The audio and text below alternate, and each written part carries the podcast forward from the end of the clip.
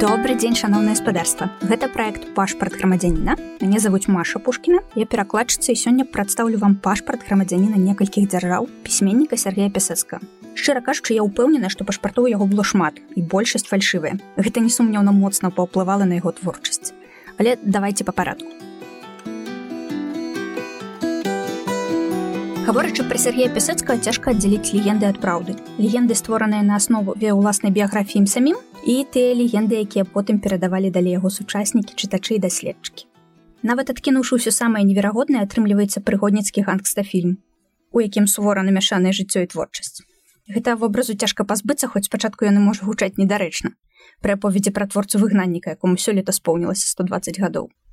Калі пачаць спачатку, то Сергей Пясецкі чалавек памежжа, кантрабандыст, шпіён, партызан, літаратар.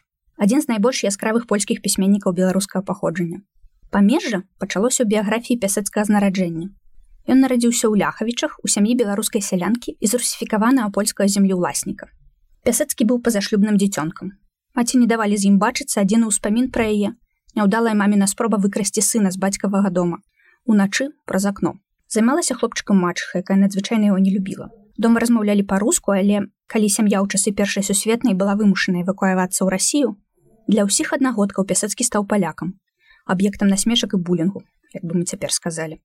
Сёмага класа расійскай гімназіі Сергей пясацкі трапіў у турму адкуль паспяховы ўцёк каб заспець вер рэвалюцыйных падзей у сталіцы імперыі. Кажуць менавіта тады ён узненавідзеў бальшавікоў.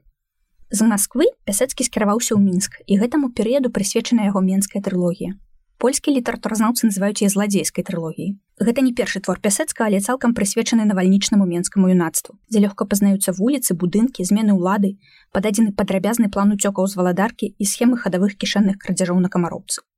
Уся трылогія перакладзеная на беларускую мову даступная ў кнігарнях. Можна чытаць як тужлівая настальжы, як прыгоды, як дакумент эпохі, хто больш як любіць. Пясецкі ваяваў з бальшавікамі спачатку ў шэрагах беларускага партызанска атрада зялёны дуб, пазней далучыўся да літоўска-беларускай дывізіі войска-польска.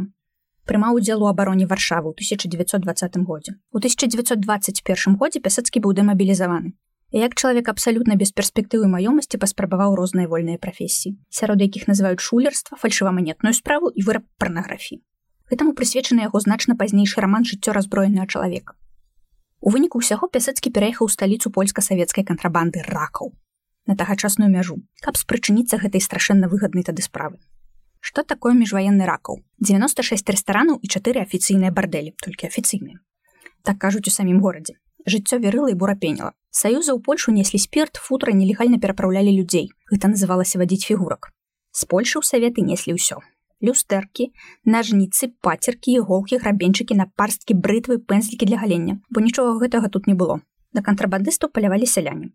На ўсіх разам польскія савецкія памежнікі. Мяжой ахвотна карысталіся таксама шпіёны, адным з якіх і стаў Сергей Пясацкі. Невядома толькі ці прыкрываў ён сваю шпіёнскую дзейнасць кантрабандай, ці наадварот прынагодна зарабляў. Некаторы час Пясацкі працаваў для другога аддзялення польскай выведкі. Але злыя языкі часта казалі, што ён мог быць і двайным і трайным агентам. Пасля адной з найбольш рамантычна апісаных экспедыцый з элементамі рабаўніцтва, моя асабіста любімая дэталь 50 злотых пакінутых у наваградку на турэмную бібліятэку калі пясецкі пад какаінам прыйшоў туды вызваляць сябра. Сябра ўжо выпусцілі каб просто так не хадзіць ён пакінутыя грошы на бібліятэку на памежы тады панавала асаблівае становішча і пясецкі трапіў турму са смяротным прысудам не за бібліятэку а за рабаўніцтва смяротны прысуд быў заменены на 15гадовае зняволенне паколькі пілсудскі меў за сабой досвед працы на другое аддзяленне далей пачынаецца незвычайная гісторыя таго як літаратура можа ўратаваць жыццё польскую мову пясецкі ведаў на базавым узроўні але ў турэмных бібліятэках. А яго некалькі разоў запаводзіны пад бухторванне сукамернікаў пераводзілі з турмы ў турму. Сур'ёзна подвучыўся на бібліі і падшыўцы часопіса вядомасці літарацкі літаратурныя навіны. Першы роман пясецка пяты этап быў адпраўлены ў гэты часопіс на конкурс але не прайшоў турэмную цэнзуру бо змяшчаў шмат аператыўнай інфармацыі. Другі роман не прайшоў таксама а ў 1935 годзе На девятым годзе свайго турэмнае зняволення пясецкі дасылаю часопіс напісаны за месяц роман каханак вялікай мядзведзіцы і выйграе роман атрымаў шалёную папулярнасць у польскай прэсе разгарнулася маштабная кампанія пісьменнікі творцы культурныя дзеячы пісалі і заклікалі падпісваць петыцыі аб вызваленні пясецка за асабістым подпісам прэзідэнта польшы ігнацыя масціцка У 1937 годзе пясацкі быў вызвалены з самай жорсткай турмы таго часу са святого крыжа. Першае выданне каханка вялікай мядзведзіцы выйшла ў рэдактуры скарачэння мельхіора ваньковіча. Калі пясацкі надзвычай даткліва ставіўся да это тэкста, то перад самай смерцю прыклаў усе намаганні, каб вярнуць яму першапачатковую форму і задуму. Гэта быў ягоны запавет. Беларускія чытачы маюць раскошу выбару. У нас даступныя тры пераклады каханка вялікай мядзведзіцы ёсць першае выданне, ёсць аўтарскія версіі. Для аматараў падкастаў па ўсім свеце даступна таксама аўдыокніга. Пра што кніга, пра што каханак вялікай мядзведзіцы. Пра памежны ракаў, які пясацкі ведаў дасканала. І ў турме за кратамі не скупіўся на цікавыя падрабязнасці рамантычныя ўспаміны. Это вельмі каларытная дакументальная аснова, падмацаваная асабістым досведам і тугой пазвонкай маладосці. А маладосцю пясацкая грымела па абодва бакі мяжы. Маляўнічыя персанажы з сакавітая гаворкай ёсць усе прыкметы літаратурнага бестселлера. Два гады ад вызвалення да вайны да новай вайны пясацкі быў літаратурнай зоркай у 1938 годзе яго высоўвалі на нобелеўскую ўзнагароду з пачаткам другой сусветнай вайны Сергей пясацкі пайшоў войска але прысягу так і не прынёс з асабістых меркаванняў пясацкі працаваў для спецаперацыі выведкі яму ўдалося выратаваць жыццё некалькім важным для польскай гісторыі асобам юзафу мацкевічу і зуманту адрушкевічу ёсць падставы меркаваць на жаль што ён спрычыніўся таксама і да смяротных прысудаў у 1942 годзе Сергей пясацкі ажаніўся Дзеля гэтага яму давялося тэрмінова змяніць веру на каталіцтва. Усё жыццё ён быў праваслаўным і ўзяць новыя канспіратыўныя імя і прозвішча Ян Тамашевіч. Пад гэтым прозвішчам яго жонка сына ўнукі жылі ў камуністычнай потым у вольнай Польшчы. Сам пясацкі быў вымушаны эміграваць. Спачатку пераехаў у Італію, адтуль Лондон. Потым пасяліўся ля мора ў Гастынгс. Весь гэты час ён спадзяваўся аб'яднацца з сям'ёй, але выехаць да антыкамуністычнага дзеяча, які хаваецца ў Англіі, было амаль немагчыма і вельмі страшна. Пясацкі пісаў чулыя лісты жонцы, прасіў не забываць глядзець на іх зорачку ў небе ў вызначаны дзень. А ў выпадку патрэбы гатаваць крухмалу адмысловы атраманты паведамляць закрытую інфармацыю гэтым атрамантам між радкоў. Сына ён звычайна віншаваў з народзінамі, дасылаў смешныя малюнкі, падпісваючыся бабуля Стэфа. Дагэтуль захоўваюцца ў сям'і. Кнігі пясацка ў Польшы з 1951 до 89 года былі забаронены. Друкаваліся нелегальна. Толькі ў досыць сталым узросце ўжо пасля смерці Сергея пясецкая ў Англіі і адвігі тамашевічу Польшу Владыслав Тамашевич даведаўся, што яго бацька той самы пісьменнік. Пасля ад'езду пясецкая яны ніколі не бачыліся. У англійскай эміграцыі Сергей пясецкі пачаў спакойнае, такое новае для яго жыццё. Ён заняўся пісьменніцкай справай, але асаблівых грошай ніколі з літаратуры не меў.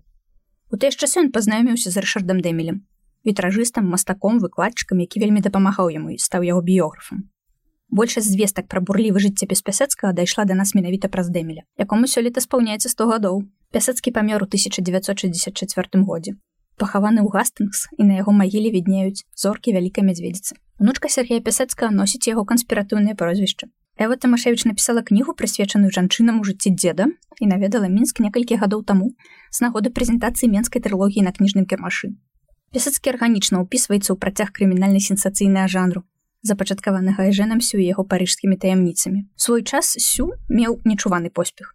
Новых апавяданняў чакалі, а непісьменныя запісваліся ў клубы, дзе ему голас чыталі пра парыжскае дно. Тады многія гарады і краіны зацікавіліся адваротным бокам сваіх парадных вуліц. Новыя сацыяльныя слаі паступова атрымлівалі голас. Гэты досвед быў настолькі і іншы, і ў этой прыцягальнасці запатрабаваны прыцягальны, што паўплываў не толькі папуля... на папулярную літаратуру, але і на масавую літаратуру як такую. Але Сергей пясацкі ў гэтым сузор'і безумоўна выбітны персанаж. Дамагчыся афіцыйнае памілаванне і выйсці з турмы, напісаўшы прысвечаную крымінальнай дзейнасці кнігу, гэта прэцэдэнт. Што чытаць? Нават беглае знаёмства з біяграфіяй паказвае, адкуль пясацкі браў фактаграфічны матэрыял. Галоўны хіт каханак вялікай мядзведзіцы даступны ў папяровай і ў аўдыяверсіі як ужо было сказана паэма ракаўскай кантрабанды. Пасля прачытання абавязкова захочацца з'ездзіць у ракаў і можна сябе не стрымліваць. Пераклады фелікса янушкевича галіны бенкевич і мары пушкіны. Менская трылогія. Тры раманы. І яблычак гляну я ў аконца і ніхто дабром не дасць збаўлення каларытны крымінальны свет мінска 18 19 гадоў 20 стагоддзя. Лёсы блатных і фраераў. Трылогія дазволіць інакш зірнуць на такія ўжо даёў даўно знаёмыя мясціны як камароўка і паркгорка напрыклад. Пераклады Віктора шукіловича і марыі пушкінай запіскі афіцеры чырвонай арміі. Жорсткая сатыра на савецкую прапаганду армію і дзяржаву. Гісторыя заняцця вільні вачыма савецкага салдата. Пераклад алеся астраўцова жыццё разброенага чалавека. Мачыма эту публікацыю крыгу цяжэй знайсці але на вартая пошуку роман апісвае лёс ветэрана польска-бальшавіцкай вайны і ўсе тыя дзікаватыя вольныя прафесіі якія яму даводзіцца паспрабаваць пераклад руслана равякі пятый этап і багам ночы роўныя дзве часткі аўтабіяграфічнага рамана пра жыццё шпега на польска-савецкім памежжы пераклады язэпа янушкевича паэтычная частка владимир нятляю і алеся пяткевич что слухаць думаючы пра пясецка добра пераслухаць стары добры супольны музычны проект народны альбом куды ісці значит звычай усцешна што ў беларусі ўжо ладзяцца вандроўкі па слядах кантрабандыстаў і менск Сергея пясецка іх можна высачыць у інтэрнэце але і так проста кніга пясецка менск ціракаў зайграюць новымі фарбамі